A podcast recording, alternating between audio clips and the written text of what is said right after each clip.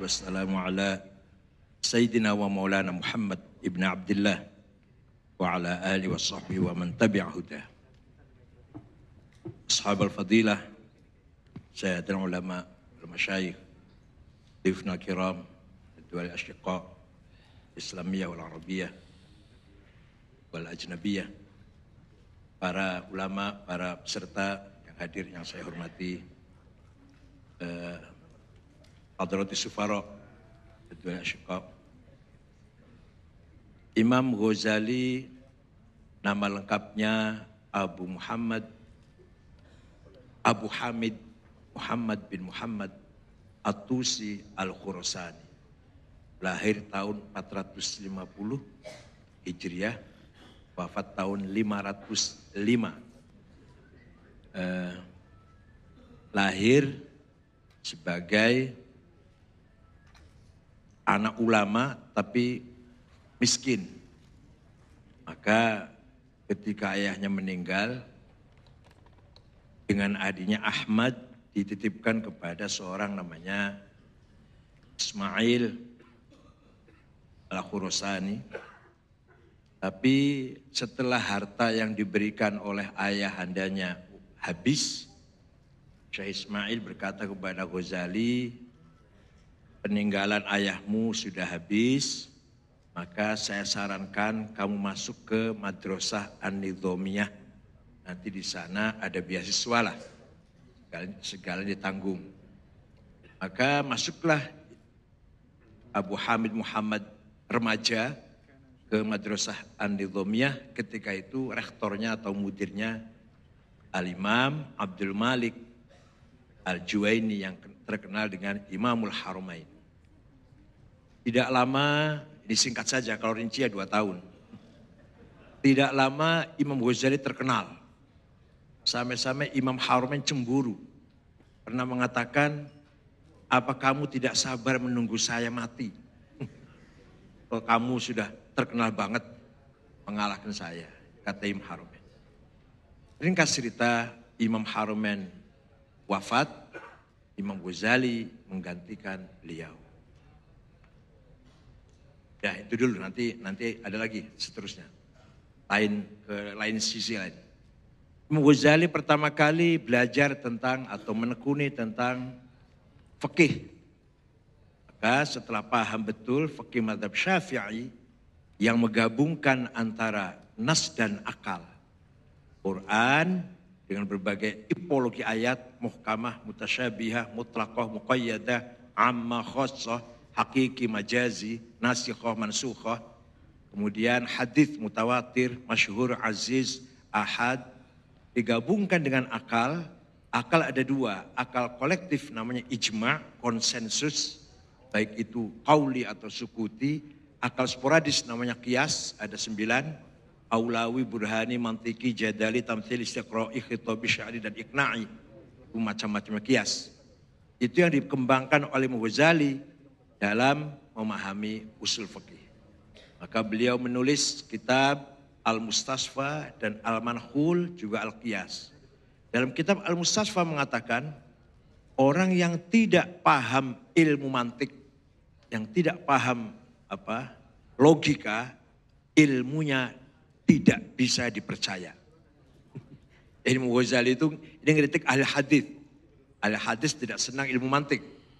Para muhadithin la yuhibbun al mantik. Ya min Aristoteles. Laisa min Rasulullah wa min sahabi. Min ashabi. Pak Imam Ghazali dengan keberaniannya mengatakan orang yang tidak bisa ilmu mantik la tiqata bi ilmi tidak bisa dipercaya ilmunya. Mantik itu logika yang mengandung premis-premis minor, premis major, dan konklusi yang benar secara akliyah, secara rasional, maka ilmu mantik menjadi salah satu perangkat ilmu yang dinamakan usul fiqh. Kemudian Imam Ghazali menulis ilmu fikih Al-Wajiz satu jilid, Al-Wasid berapa dua jilid ya? Dan Al-Basit, saya nggak tahu Al-Basit berapa jilid, nggak pernah tahu saya Al-Basit. Itu ilmu fikih. Kemudian beliau menekuni ilmu kalam. Akan menulislah Al-Iqtisad fil I'tiqad Lijamil Awam fi Ilmil Kalam. Kemudian beliau menulis kitab-kitab akhlak. Mizanul Amal, Hidayatul Hidayah, dan lain-lain lah. Oh ya, dalam ilmu mantik eh, menulis Mi'yarul Ilm Al-Qistasul Mustaqim. Itu sulit sekali kitab itu. Sulit pemahamannya. Mi'yarul Ilm Al-Qistasul Mustaqim. Kemudian beliau menulis uh, filsafat. Sebelum mengkritik filsafat, beliau menulis filsafat dulu. Supaya orang tahu bahwa saya paham, bukan hanya ngeritik membabi buta kayak orang zaman sekarang. Kritik sana gobloknya setengah mati padahal. Imam Ghazali menulis Maqasidul Falasifah. Menjelaskan bahwa maksud-maksud para filosof seperti ini maksudnya. Setelah menulis Maqasidul Falasifah dengan baik, barulah beliau menulis Tahafutul Falasifah. Kerancuan para filosof. Dalam kitab Tahafutul Falasifah, beliau mengatakan para filosof melakukan hal-hal bid'ah 16 poin tapi melakukan hal yang kafir, kekufuran, tiga poin. Satu, ya'takiduna bikidamil alam. Para filosof mengatakan alam ini kodim. Kodim fi zaman, hadis fi Alam semesta ini sama dengan Allah adanya, bersamaan dengan Allah adanya. Walaupun alam semesta ini akibat dari adanya Allah. Ada Allah, maka Allah menjadi illah, al-illatul ula, kemudian ma'lulnya adalah alam. Tapi adanya bersamaan. Seperti adanya matahari pasti ada siang. Kenapa? Karena Allah itu maha sempurna. Al-illatul kamilah, al-illatul tamah. Elat yang atau sebab yang sempurna. Kalau ada Allah belum ada alam, berarti Allah bukan tidak sempurna. Itu cara berpikir para filosof. Kemudian ketika Allah ada, kemudian tidak ada alam, baru setelah katakanlah sejuta tahun atau katakanlah sejuta tahun baru ada alam. Maka antara Allah dan alam itu apa namanya? Ketika Allah kodim satu, alam belum ada. Masih Allah belum ada. Maka baru ada setelah seribu tahun katakan. Angka saja ini cuma angka aja. Itu antara Allah dan seribu tahun itu apa yang ada? Di situ pasti ada Allah. Berarti Allah itu alam. Yang dikatakan oleh Allah. Kemudian kenapa Tuhan memilih zaman tertentu? Seribu tahun. Kenapa enggak 999? Kenapa enggak seribu tahun? Seribu satu, kenapa? Pasti ada sebab. Kalau ada sebab, berarti Allah terpengaruh oleh sebab itu. Kalau tidak ada sebab, berarti Allah menciptakan alam apa? Bahasa Jawa tambah nganggur, tambah nganggur apa? Iseng, iseng. Iseng daripada nganggur. Jadi mengapa Allah itu pilih mewujudkan alam dalam waktu tertentu? Kalau jawabnya ada faktor yang menjadikan mempengaruhi Allah memilih waktu tertentu, berarti Allah kalah, terpengaruh oleh sesuatu itu. Kalau nggak ada, nggak ada apa-apa, berarti Allah menciptakan alam ya daripada nganggur lah, iseng-iseng aja. Padahal di Quran dikatakan menciptakan alam bukan abad, bukan main-main. Nah, kemudian datanglah Imam Ash'ari mengatakan bahwa Allah tidak anggur. Begitu ada Allah belum ada alam tapi ada namanya ta'alluq soluhi. Ketika nanti sudah ada baru ta'alluq tanjizi. Para filosof tanya lagi, ta'alluq soluhi itu Allah apa bukan? Kalau jawabnya bukan, berarti ada yang bukan Allah bersama Allah. Walhasil menurut para filosof alam kodim fi zaman hadith fidzat. Imam Ghazali mengatakan pendapat ini bisa menjadikan menyebabkan para filosof kufur keluar dari agama karena jelas sekali bertentangan dengan uh, nas Al-Qur'an yang mengatakan bahwa hanya Allah yang kodim, masih Allah itu hadir. Banyak, banyak sekali alasan-alasan Imam Ghazali, tapi semuanya itu dalam hal perdebatan fil, falsafah yang kemudian nanti akan disalahkan oleh Imam Ibn Rushd dengan kitabnya Tahafut Tahafut, rancunya Ghazali dalam menulis kitab Tahafutil Falasifah. Kedua, kafirnya para filosof mengatakan Allah tidak mengetahui juz'iyah. Allah la ya'lamul juz'iyat. Jadi Allah hanya tahu yang yang yang universal, yang general.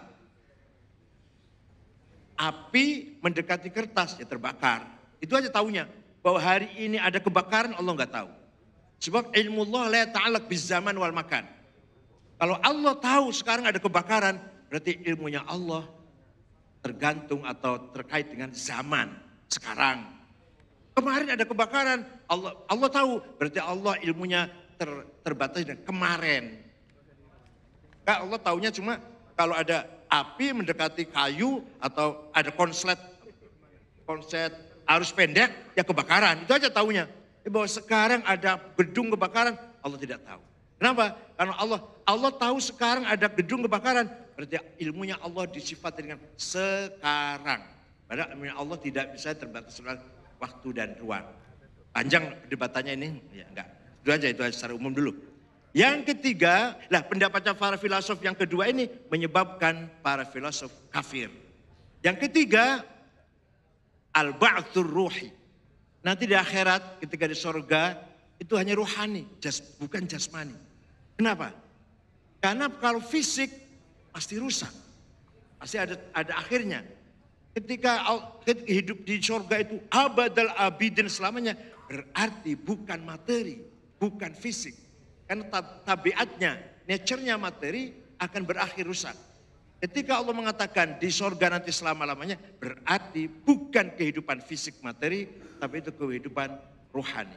Lagi-lagi Imam Ghazali mengatakan, yang ketiga ini juga menyebabkan para filosof kufur. Dengan apa? Dengan dalil-dalil Al-Quran yang menegaskan bahwa Allah mengetahui juz'iyat dan nanti hidup di akhirat adalah hidup yang fisik dan materi.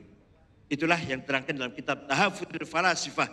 Walhasil, apa tujuannya? Tujuannya hanya satu. Imam Ghazali ingin menghancurkan pengaruh Aristoteles. Aristoteles selalu berpikir sabab dan akibat. As-sabab al-musabbabat. Yang ada ini pasti sebab akibat. Sebab akibat. Elat ma'lul. Elat ma'lul. Pasti itu. Nah Aristoteles sangat dikagumi oleh filosof baik muslim maupun oleh pelajar-pelajar lah intelektual muslim. Maka Imam Ghazali tujuannya menghancurkan wibawanya Aristoteles. Tapi Imam Ghazali sebenarnya tidak anti filsafat. Asal filsafat itu masih mengakui adanya Allah. Maka Imam Ghazali sebenarnya sangat kagum dengan filsafat Neoplatonisme atau Plotinus yang di sana ada Allah atau Al-Khairul Mahad, kemudian akal kulli, kemudian nafsul kulli, baru alam materi. Ini mau jadi menerima tentang filsafat itu. Bahkan kalau kita baca Ihya Ulumuddin, banyak sekali Imam Ghazali mengambil dari Homerus, dari Plato, dari eh, Ambadogles, dan Pitagoras, banyak eh, kutipan-kutipan di uh, Ihya Ulumuddin. Dan kemudian Imam Ghazali mengatakan bahwa filsafat itu rancu, tidak bisa menjadikan orang ini berkualitas atau dalam kehidupannya tidak mungkin benar kalau hanya berpegang pada filsafat. Maka Imam Ghazali coba-coba dulu asalnya masuk ke dunia tasawuf. Pertama kali beliau menulis Minhajul Abidin. Bukan kitab tasawuf, bukan. Ini baru metodologi ibadah. Supaya ibadah itu berkualitas, maka begini, begini, begini. Itu ditulis dalam kitab Minhajul Abidin laisa minat min kutubit Ada fakat hajul ibadah. Kemudian Imam Ghazali menulis coba-coba menulis tasawuf banyak sekali. Uh, Al-hikmah fi makhluqatillah, sirrul alamin, mishkatil anwar dan lain-lain. Puncaknya adalah Ihya Ulumiddin. Di dalam kitab Ihya Imam Ghazali awal bicara syariat dari babul ilm, babul miyah, babul toharo, babul sholah dan seterusnya. Separuh akhir dibagi dua. Rubu'ul muhlikat dan rubu'ul munjiat. Rubu'ul muhlikat, apa saja yang bisa menghancurkan manusia. Takabur, hasad, hiqad, sum'ah, su'udhan, riya, ujub dan seterusnya. Apa-apa yang menyelamatkan manusia di akhir sendiri. Namanya rubu'ul munjiat. Taubat, wara' zuhud, tawakal, ridho, syukur, sakinah, tumak ninah, dan seterusnya. Kona'ah, dan seterusnya. Ada yang menarik dalam kitab Ihya. Ketika bicara tauhid, wah ini jam berapa ini? Ada yang menarik dalam kitab Ihya. Ketika bicara tauhid, gak ada yang selain Ghazali, gak ada seperti ini. Kelebihan Ghazali membagi tauhid menjadi empat. Pertama, kishr. Yang kedua, kishru kishr. Yang ketiga, lub. Yang keempat, lub bil lub. Kishr, kulit. Seperti kelapa. Seperti kelapa contohnya itu. Apa? Yang di luar apa namanya? Sepet. Apa? Sepet itu tauhidnya orang awam. Mulutnya mengatakan, La ilaha illallah wa, wa qalbu ghafil. Hatinya lupa dengan makna. Ini sepet ini, sepet ini. Sepet ya. Kulit kelapa yang di luar itu loh. الجوز الهندي قشره مش موجود في في الفيديو العربية. كثير هنا في مش عارف أنا الإمام غزالي يمثل بالجوز الهندي.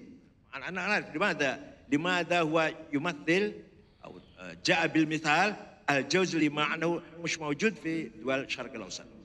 في إندونيسيا ماليزيا كثير جوز الهندي kelapa له له قشرين قشر وقشر القشر بعدين له اللب ولب اللب jazul hindi kulit seperti yang paling luar itu tauhidnya orang awam barangkali kita kitaan barangkali kita nggak usah ngaku kosong lah ini awam lah mengatakan la ilaha illallah wa qalbuna ghafil an ma'na mulut lisan hanya mengatakan la ilallah hati kita kosong tidak dibarengi dengan arti dan penghayatan itu mulut kita itu setiap hari seperti itu.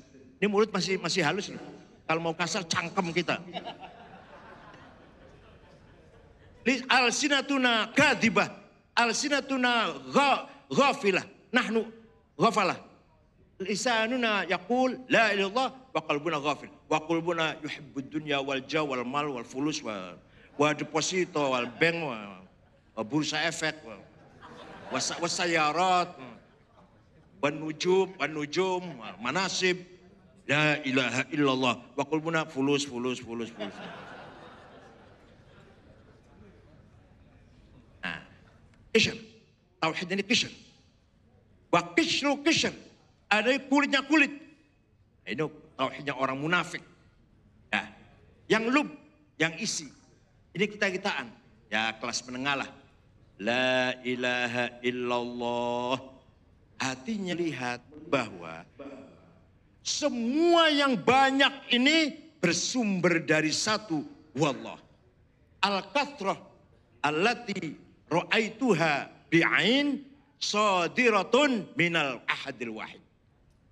Jadi ketika mulut kita mengatakan la ilaha illallah itu artinya yang banyak ini semua ini muncul atau diciptakan oleh satu al-ahadul ahad. Itu masih lub itu. Nah, sekarang kalau meningkat lub bil lub santen dan menjadi santen. Apa itu? Akhirnya lub bil lub ini. Yang kelihatan cuma satu. Yang ada ini tidak ada yang kelihatan mata. Jadi sebenarnya kitalah kita aja. Sebenarnya kita ini tidak ada. Tapi kita ini diadakan oleh yang ada sebelum kata ada itu ada sudah ada. Bahkan kita menggunakan kata ada karena ada yang ada. Kita menggunakan kata tidak ada karena ada yang ada. Contoh, Ahmad ada di kantor. kita menggunakan kata ada karena Allah ada. Bukan karena kita bukan. Ahmad tidak ada di kantor. Kita menggunakan kata tidak ada karena ada yang ada. Maka yang ada hanyalah yang ada. Saya ulangi, saya ulangi. Belum paham. Kita ini sebenarnya tidak ada. Tapi kita ini diadakan oleh yang ada. Yang ada sebelum lapal ada, itu ada, sudah ada. Bahkan kita menggunakan kata ada karena ada yang ada. Kita menggunakan kata tidak ada karena ada yang ada. Maka yang ada hanyalah yang ada. Bahkan kita ini hanya manifestasi, manifest dari yang ada tersebut. Paham alhamdulillah enggak ya enggak apa-apa belum.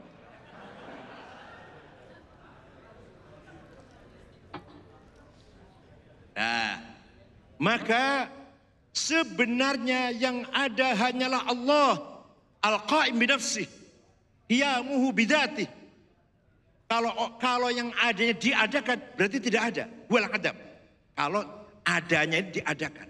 Kita ini hanya HGU. Hak guna usaha. Kita diberi ada 70 tahun, 80 tahun, 100 tahun. Maunya berapa? Maunya berapa maunya? Maunya berapa tahun dipinjami ada ini? Contoh. Domir, pronon, kata ganti ada tiga. Ana, anta, huwa. Ana aku. Ana Said, Ana Ahmad, Ana Toto, Ana Sukardi, Ana Zainab, Ana Maryam. Paham kan? Paham ya? Silakan dipakai. Anak Ahmad, anak Supardi, anak Bakar, anak Hasan, aku Zainab, aku Maryam, aku Dewi, aku Evi. Mati semua nanti. Tinggal aku satu yang tidak mati. La ilaha illa ana. Tidak Tuhan kecuali ana. Artinya la wujuda illa ana. Tidak ada yang ada kecuali ana, kecuali aku. Artinya puncaknya nih, puncaknya. Artinya la ana illa ana. Tidak ada aku kecuali aku. Aku Ahmad mati, aku Hasan mati, aku Toto mati, aku Soekardi mati, aku Zainab mati, aku Maryam mati. Tinggal aku Allah. La ana illa ana. Oleh karena itu zikir, zikirnya orang khawas, zikirnya bukan la ilaha illallah. Ana, ana, ana, ana. Aku, aku, aku itu zikirnya paling yang paling top. Zikir khasah, ana, ana, ana, ana. Zikirnya orang awam, la ilaha illallah. Zikir yang ulama, la ilaha illallah tingkat lagi khos la ilaha illa anta khosul khos la ana illa ana puncaknya ana ana ana Alah. Gak paham, gak paham ini jelas gak paham ini.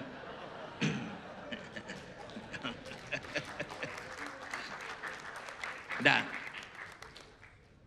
tapi Imam Ghazali, pengaruhnya Imam Ghazali, bukan hanya pada Indonesia, bukan. Bukan hanya kepada Indonesia. Pemikiran Islam. Apa pengaruhnya? Imam Ghazali berhasil mentaufikkan, mengharmoniskan antara syariat dan tasawuf. Belum Ghazali, Fukoha dan Sufiyah sering bertengkar. Kata Fukoha, contoh sholat, contohnya sholat. Sholat itu harus kiblatnya lurus, pakaiannya bersih, baunya harum, uh, fatihahnya fasih, harus mujawad, ikhfa idharnya harus benar lah Ihdinas siratal mustaqim. Siratal mustaqim. Harus begitu harus lurus. Kata Sufi, lah kalau hatinya nggak khusyuk percuma sholat kamu itu. Sholat yang penting khusyuk. Walaupun kopiannya malang nggak apa-apa. Pakainya kaos singlet nggak apa-apa. Sarungnya cap gaji dulu tiga bulan belum dicuci nggak apa-apa. Yang penting hatinya tawajuh. Al khusyuk wal hudur. Kata Sufi. Sering bertengkar. Akhirnya sering fukoha meremehkan sufi, sufi meremehkan fukoha. Apa ilmu kamu itu? Saling-saling kamu kulit saja. Kata fukoha, kamu ini sesat. Dolal. Jauh sekali dalam memahami agama ini. Kata fukoha kepada sufi. Al-Halaj adalah korban daripada fanatisme zohir. Al-Halaj difonis mati oleh Ibnu Dawud Al-Zahiri tahun 309. Bakar, kepalanya dipancung, dibakar, debunya dibuang ke uh, sungai Dajlah. Itu tahun 13, uh, eh, tahun 309 ketika Khalifah Al-Muqtadir Nah, itu korban. Begitu pula Gulam Al-Khalid Bahkan Dunun Al-Misri pernah dipanggil Khalifah Mutawakil dan dipenjara beberapa hari. Itu sufi dan sufi dan fuqaha terutama hadis datang Imam Ghazali apa kata beliau? Dua-duanya. Sholat harus bersih fasih fatihahnya wudhunya sempurna pakaiannya benar kiblatnya lurus hatinya pun harus khusyuk. Itu Imam Ghazali itu. Dua-duanya harus. Berangkat dari mana? Berangkat dari Allah memanggil Nabi Musa. Datang Nabi Musa menghadap Allah, apa kata Allah? Fakhla' na'laika innaka bil wadil muqaddas Musa, lepaskan dua sepatumu. Kamu berada di jurang yang suci, lembah yang suci. Kata ahli tafsir, ya sepatu ini. Kata sufi, ya Allah, repot-repot jauh-jauh Nabi Musa datang menghadap Allah hanya perintah melepas sepatu. Orang remeh-temeh banget perintahnya. Enggak, enggak mungkin, enggak mungkin. Enggak mungkin perintahnya remeh begitu. Jadi apa? Kata sufi, Nabi Musa menghadap Allah diperintah melepas dua hawa nafsu. Ghodobiyah dan syahwatiyah. Na'laik. Kata ahli tafsir, ente ngerti bahasa Arab enggak? Na'laika maknanya hawa nafsu dari mana itu? Kalau na'laika mana? Sandal, bakyat, trumpah, selop, sepatu, ceplek, apalagi, apalagi, apalagi. Itu bisa, bisa. Sepatu, sandal, trumpah, selop, gemparan, teklek, boleh. Tapi kalau na'laika maknanya hawa nafsu, jauh banget. Imam Ghazali berkata, dua-duanya. Nabi Musa datang menghadap Allah, sepatunya dilepas, hawa nafsunya pun dilepas. Dua-duanya. Seperti kita ketika sholat ke masjid, sepatu dilepas, hawa nafsu dilepas. Sholat kita khusyuk. Selesai sholat, sendal dipakai lagi, hawa nafsu pun kembali lagi.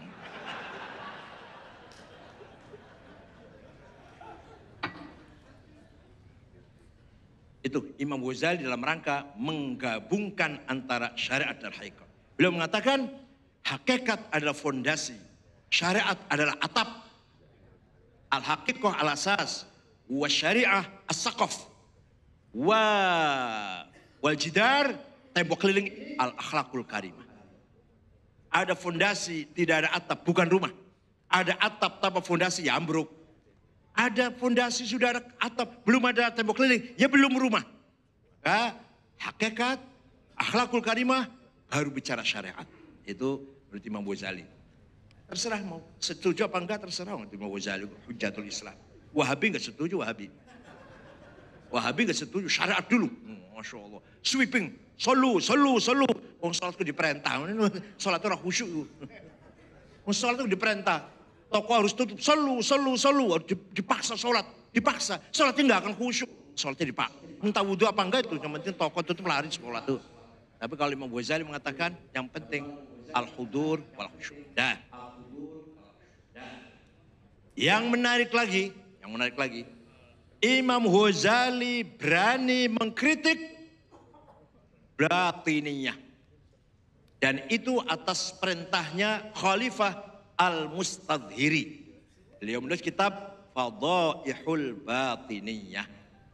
Kejahatan orang-orang kelompok kebatinan. Nah, itu uh, Al-Afwan Sidi min, min Iran.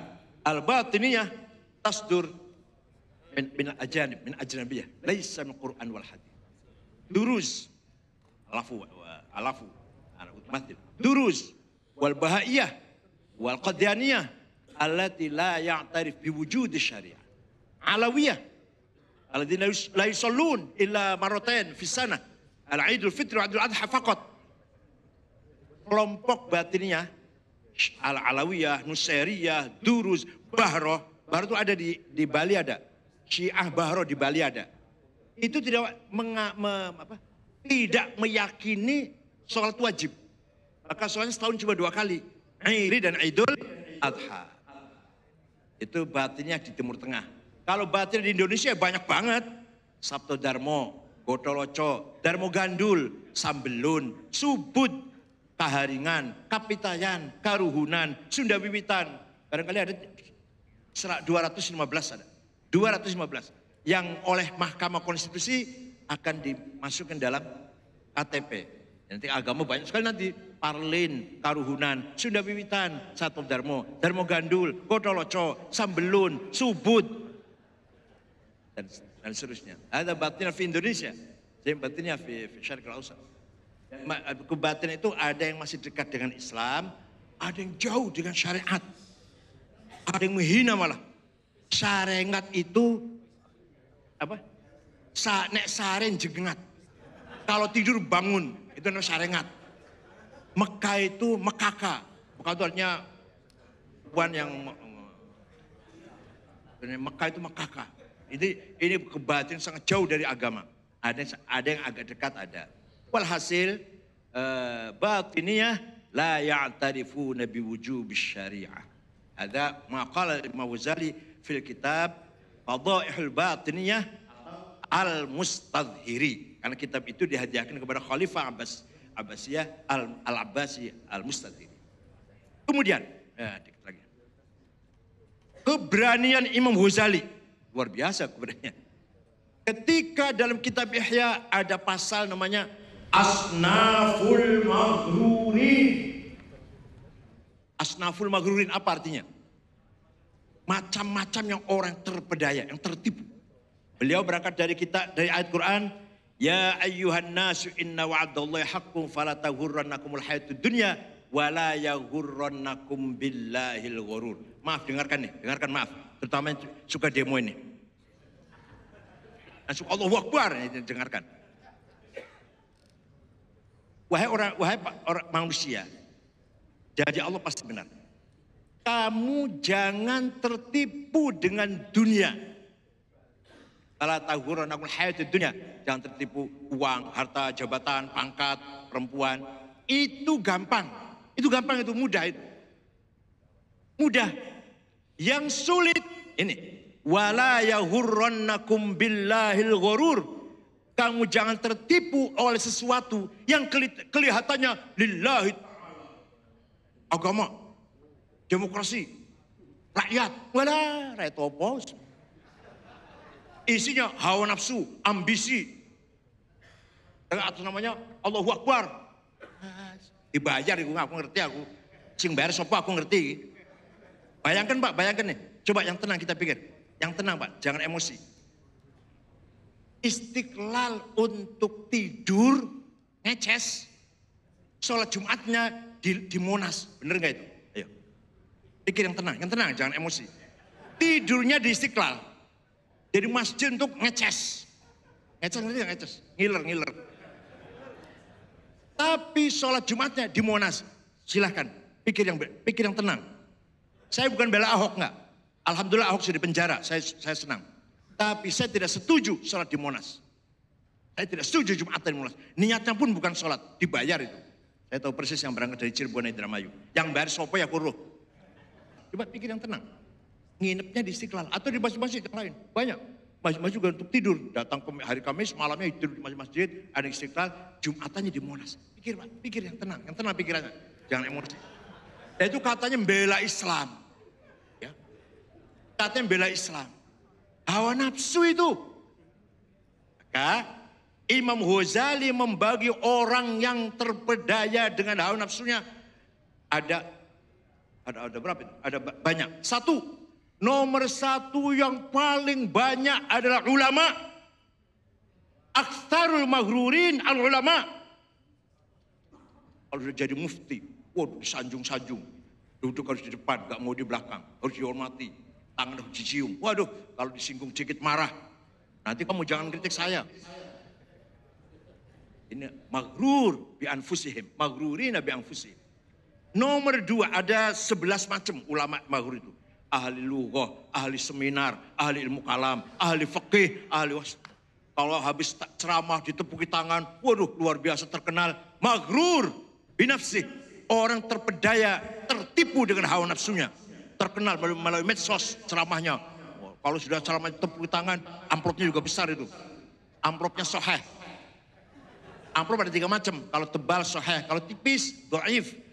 Kalau tipis tapi yang lunga bercawe doayu, soheh luweri. Lele ta'ala berjuang apa itu? Berjuang apa itu? Istighosah, doa bersama, nangis, alah, kalau betul-betul berdoa, betul berdoa.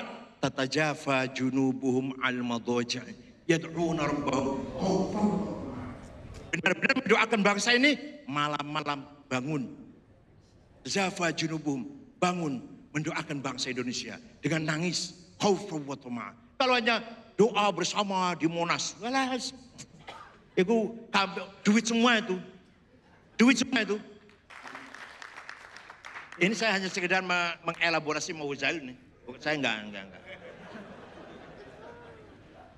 Kalau mau betul-betul Anda mendoakan bangsa Indonesia, bangun malam. Bangun malam. Tatajafa junubuhum al-mataji'i yad'una rabbahum khawfa wa la tarnafsum ma ukhfiyalahum min qurtan jazai ma kanu ya'malun. Afa man kana kaman kana fasiqa. Apa man kana kaman kana fasiqa la yastawun. Sama sekali. Oleh karena itu kalau Imam Ghazali mengatakan aksarul maghrurin bi anfusihim al ulama fuqaha apalagi ahli fikih wah ahli helah ahli tanya apa saja silahkan nanti halal semua nanti kawin itu bisa halal semua bisa sebelas macam. Tanpa wali ada saksi bisa. Tanpa saksi ada wali bisa. Tanpa wali tanpa saksi juga bisa. Al fikih kan anu, cuma untuk helah ya. Ada lagi? Al umaro pejabat. Itu enam macam. Ada eh sembilan macam, sembilan macam. Ada lagi al agnia al maghrur bi amwalihim. Itu enam macam. Orang yang tertipu dengan kekayaannya itu enam macam. Orang tertipu dengan jabatan sembilan macam. Yang tertipu dengan ilmunya sebelas macam. Astagfirullahaladzim. Termasuk saya barangkali. Kalau nggak dihormati, kalau nggak kalau nggak disebut namanya tersinggung. Ya, kalau acara harus disebut yang terhormat ketua umum PBNU. Kalau nggak di sini tersinggung itu. Apalagi kalau nggak diamplopin tersinggung, ah udah. Magrur. Itu Ghazali. Nah, kemudian Imam Ghazali jadi rektor dua tahun. Lama-lama beliau menangis. Menangis. Hidup saya ini apa ini? Apa hidup saya ini? Bangun tidur, sholat subuh, sarapan atau wirid sebentar, sholat subuh, wirid, wirid, sholat sarapan, berangkat ke universitas, duduk di kursi meja, surat-surat tanda tangan, ngajar, selesai pulang, tidur, istirahat, bangun subuh. Apa ini? Coba bayangkan Pak, bayangkan. Ayo sampai renungkan. Hidup kita ini loh, hidup kita rutin sekali. Adakah setiap hari kita ini bersemakin bertambah imannya? Semakin meningkat iman kita dengan hidup rutin yang kita lakukan? Bangun tidur, sholat subuh, wirid sebentar, sarapan, berangkat kantor. Kantor ya kerjaan-kerjaan, pulang, maghrib pulang, eh, makan malam, tidur, eh, sholat isya, tidur. Banyak berkata tahajud juga. Tiap hari rutin saja. Adakah, ayo kita tanya masing-masing. Adakah rutinitas yang kita lakukan setiap hari itu menambah iman kita? Tanya silakan masing-masing, tanya sendiri-sendiri. Adakah menambah iman kita? Imam Ghazali. Hidup saya ini ala syafa jurufin har. Saya ini hampir saja masuk jurang neraka. Rutinitas saya begini. Tidak bertambah imannya. Tidak sama sekali bertambah khosyah wal khauf min Allah. Tidak bertambah. Tidak semakin khauf. Hanya rutin saja. Akhirnya Imam Ghazali mengajar tidak bisa. Ngajar tuh nggak keluar apa? Suaranya nggak keluar. Harap ngomong apa sih? Mau ngajar apa ini ya? Ngajar fikih, fikih cuma ilmu helah. Ngajar filsafat, filsafat rancu. Ilmu kalam, alah cuma ilmu perdebatan. Eh, apa ini? Nggak keluar suaranya. Akhirnya jabatan rektor ditinggalkan. Beliau mengembara sampai ke Mesir, eh, eh, terus sampai ke Suriah di Damaskus, mengunci diri di menara Masjid Al-Amawi Damaskus. Empat bulan. Menurut beliau setelah empat bulan itu, Fakana makana wala tas'al anil khobari. Terjadi kepada saya apa yang telah terjadi. Dan jangan tahu apa ceritanya. Apa yang telah kau, kau dapatkan empat bulan itu. Nggak bisa, dita, nggak bisa digambarkan. Jadi kata Imam Ghazali, ada ilmu, ada sesuatu yang wujud nyata, tidak bisa ditulis, tidak bisa diucapkan, tidak bisa digambarkan. Kecuali bit tajribah, dilaksanakan sendiri. Malah nyun sewu, mohon maaf, mohon maaf. Dalam kitabnya Ayyuhal Walad, Imam Ghazali, mohon maaf. Sep mencontohkan seperti orang jima. Orang ML, ML. Apa? Making love. Jima Ayo tulis, ayo tulis. Nikmatnya orang jima, ayo tulis. Gak bisa. Atau ceritakan. Ceritakan, ayo nikmatnya lu ya paling saya dari malam jima enak sekali ya gitu aja bulan. Eh ceritakan, seperti apa enaknya? Gak bisa. Tapi apa? Dirasakan. Tidak bisa diucapkan, tidak bisa ditulis, tapi di dilakoni lah, dilakoni ora usah wis dilakoni. Nah itu. Jadi ada ilmu kenikmatan yang luar biasa yang falatas al anil khobari. Kamu jangan tanya ceritanya gimana kamu. Anda ketika empat bulan di menara Masjid Amawi dapat apa? Latas al fakana makan memang bagaimana? Fakana makana? Uh, falatas al khubari lah. Apa yang terjadi di hidup saya jangan tahu. Jangan tanya lagi.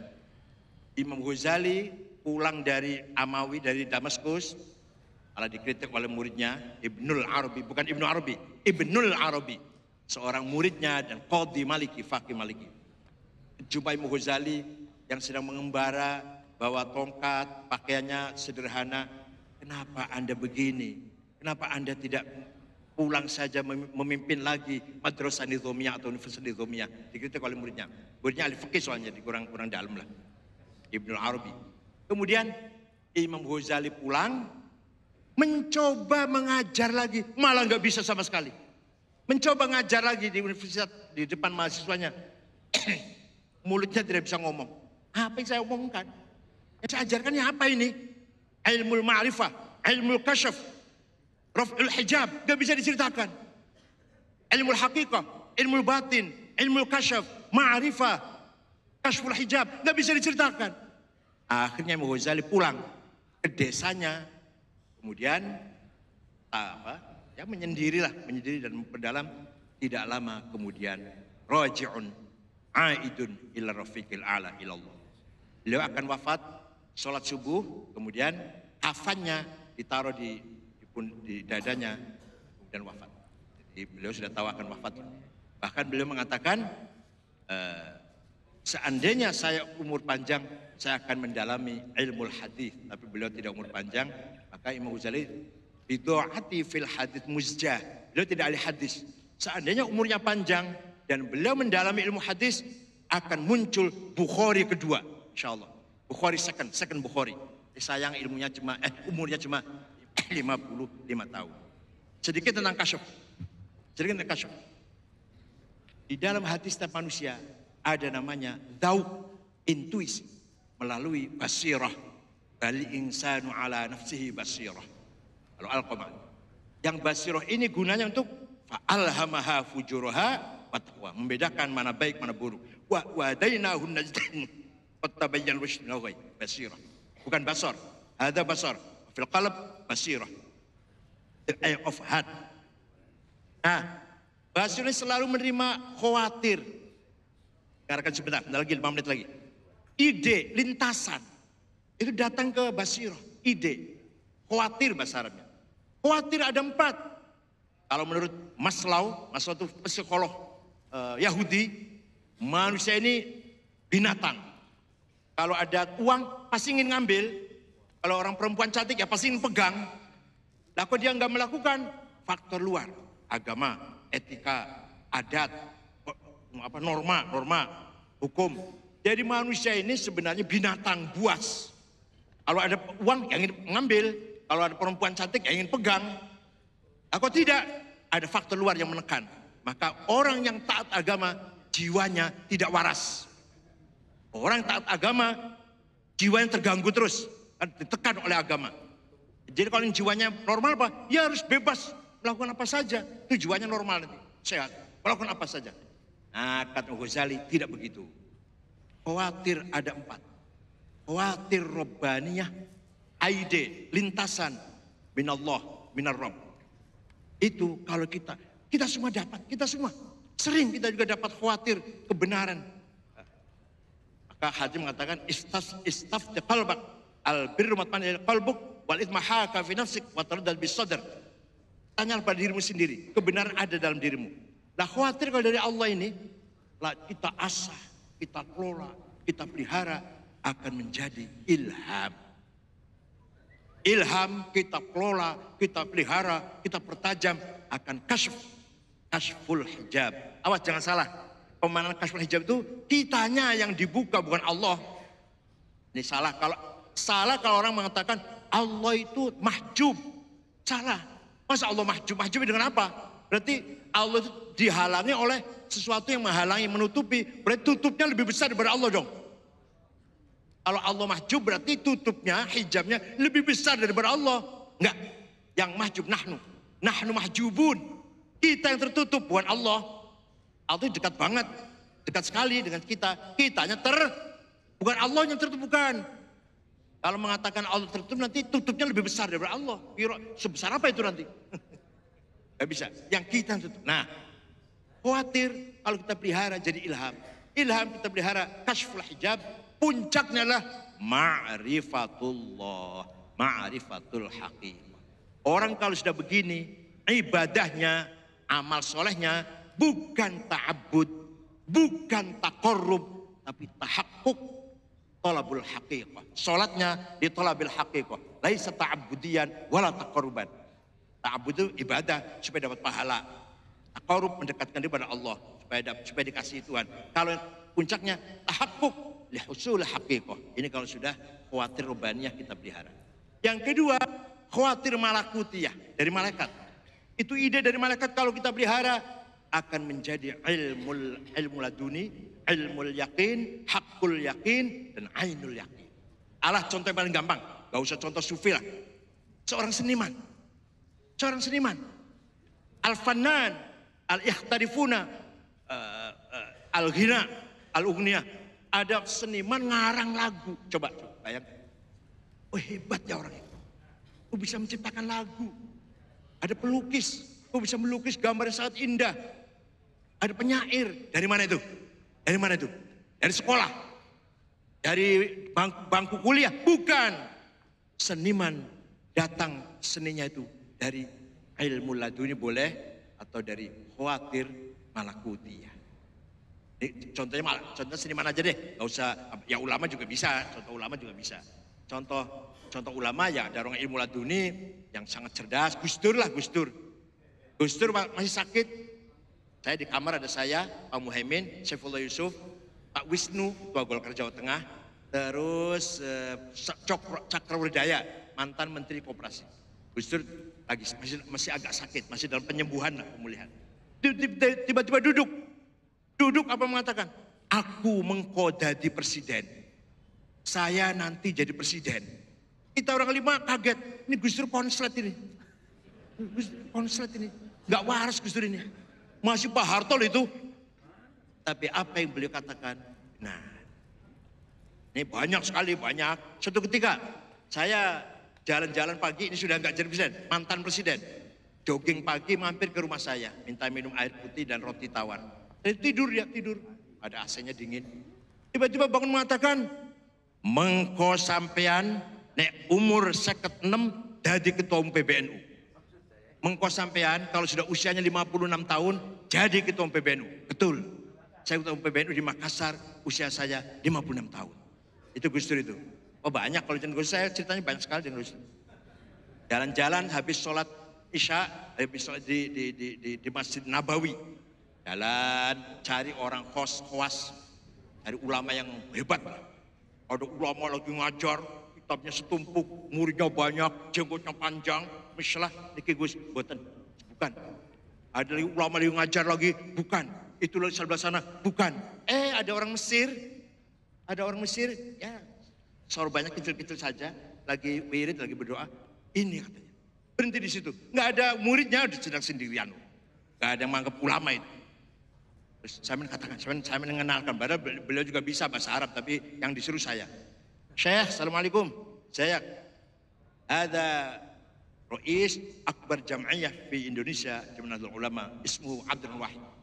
Ada apa katanya? Apa yang dia mau? Ya minta doa, minta doa. Doa apa? Ya doa selamat lah. Doa sopo Doa. Ya, doa doa doa mendoakan sudah selesai. Orang ini lari, lari sambil sajad sajadahnya ditarik. Sambil mengatakan begini, Ya Rob, madzambi hatta tu'arrifani iya. Ya Allah, dosa apa aku ini kata orang ini. Kok jenengan buka rahasia aku pada orang ini. Waktu itu wali lagi nyamar kok. Seperti intel lagi nyamar terus ketahuan. Ya itu kan punya salah intel itu berarti. Kurang rapi berarti. Ini wali lagi nyamar. Wali maktum. An uyunin nas. Tiba-tiba Gus Dur tahu. La ya'riful wali illal wali. Tidak akan tahu wali kecuali wali yaitu Gus Dur dan ngejak saya jadi saya bau bau bau, bau. Itu khawatir malakutia. Yang ketiga khawatir nafs nafsaniyah. Hawajis nafsaniyah. Hawa nafsu. Syahwat maupun khutub. Kalau orang kok singkat saja ini waktunya udah. Kalau Anda korupsi sudah direncanakan sebelumnya bukan godaan setan. Bukan. Itu adalah hawajis nafsaninya dari sampean sendiri. Jangan nyalakan setan. Setan gak bisa bikin proposal. Gak bisa punya rencana. Saya kalau sudah pejabat jadi DPR makanan begini, begini, begini, anggaran dibeginikan, maka saya dapat sekian. Bukan setan, Bahkan sampean syaikhus syayatin. Kalau setan itu, nanti yang sudah, ini, ini nafsu. Hawa nafsu itu luar biasa. Maka Rasulullah mengatakan, Roja'na minal jihadil asghar ila jihadil akbar ala wahwa jihadun nafas. Hawa nafsu ini, kalau musuh pak, di peperangan adanya. Kalau maksiat, maaf, zina, minum khomer, Gak setiap hari, gak setiap saat. Ada berhentinya lah. Membunuh orang, ya paling-paling berapa kali lah. Tapi kalau hawa nafsu, di pasar, di jalan, di hotel, di sekolah, di kantor, di masjid. Sedang sholat, hawa nafsunya ikut. Jadi Pak musuh paling besar adalah hawa nafsu. Sholat ingin dipuji. Sholatnya di depan supaya dipuji. Ria. Sholatnya di belakang, pinggir sendal sana supaya tidak dipuji. Eh, sebentar, sholatnya di depan supaya dipuji orang, musyrik. Sholatnya di belakang, di pinggir sandal supaya tidak dipuji orang, ria. Ada ul amal li ajlin nas syirk watarkuhu li ajlin nas ria. Saya sholat supaya dipuji, musyrik. Saya sholat dan jangan dipuji orang nih. Sembunyi sholatnya, ria. Kenapa? Karena manusia masih menjadi pertimbangan. Manusia menjadi masih menjadi apa? Masih orientasi. Sodakohnya 100 juta supaya dipuji, musyrik. Sodakohnya 10 juta aja, saya takut dipuji orang. Ria. Baca Quran suaranya enak, tajwid, supaya dipuji orang, musyrik. Baca Quran pelan-pelan, takut dipuji orang. Ria. Ini kata imam, siapa yang mengatakan begini siapa? Abu Hashim Al-Kufi. Imam Sufyan Ats-Tsauri mengatakan mazil tu urai hatta ajlis bi Abi Hashim al Saya tiap hari ria kata Abu Sufyan Tsauri ini. Mujtahid, ulama besar. Saya tiap hari ria. Setelah saya duduk dengan Abu Hashim baru tahu apa arti ria. Jadi amal supaya dipuji orang musyrik. Amal supaya tidak dipuji orang ria. Supaya di, komentarnya, udah walaupun saya besar sholatnya di belakang. Kalau itu, anu, dia kan itu rektor loh, sholatnya di belakang ya, Allah. Banget orang itu. Pas sholatnya pinggir sendal ya, padahal dia tuh ulama besar loh. Itu ketua PBNU loh, tapi sholatnya di belakang, pinggir sandal. Ria. Oh, sholat di depan, ketua PBNU sholatnya di depan sendiri, musyrik. Ya wis tengah-tengah. Dah, itu. Yang terakhir, syaitoniyah. Khawatir syaitoniyah namanya waswasah. Kalau khawatir nafsa ini namanya hawajis. Khawatir nafsa syaitoniyah namanya waswas. Kalau waswas itu apa? Yuwaswisu fi sudurin nas. Saya ke sana mau benar, digoda, diganggu. Saya bentak. Audhu Lari setannya. Nanti sana goda lagi. Jadi setan itu spontanitas. Tidak punya rencana. Itu setan. Kalau punya rencana bukan setan. Hawa nafsu kita itu. Dan rencana dua bulan yang lalu, udah dipikir, direncanakan, akan korupsi. Wah, itu bukan setan, ente yang gurunya setan malah. Setan aja geleng kepala. Ini saya aja nggak bikin, nggak bisa bikin proposal kayak orang ini. Saya harus berguru pada. Nah di Jakarta ini banyak sekali syuyuh syayatin Jakarta ini. Dan macam-macam syuyuh syaitan. Ada yang pakai celana, pakai dasi, ada yang bertato, berkalung, ber, berkalung bergelang, ada yang pakai sorban. Rata-rata syuyuh syayatin. Menurut ukuran Imam Ghazali, bukan saya bukan. Dan rakyat Imam Ghazali kok. Jadi Imam Ghazali berjasa besar mentaufikkan asyariah wal haqiqah. Syukron, ini kalau panjang ya eh, du, enggak, dua, dua semester. Saya pak, saya paham begini empat tahun ya Allah. Saya paham begini empat tahun hasil kuliah empat tahun.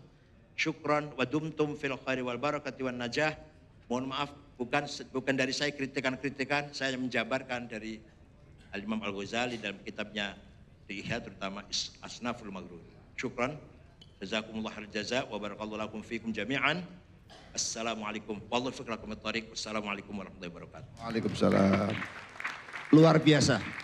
Bapak dan Ibu sekalian, hanya dalam waktu sekitar satu jam kita bisa mendapat ilmu yang harus diraih empat tahun. Karena beliau ini adalah doktor dalam tasawuf di Makkah Al-Mukarramah ya, Ummul Qura ya. Jadi luar biasa.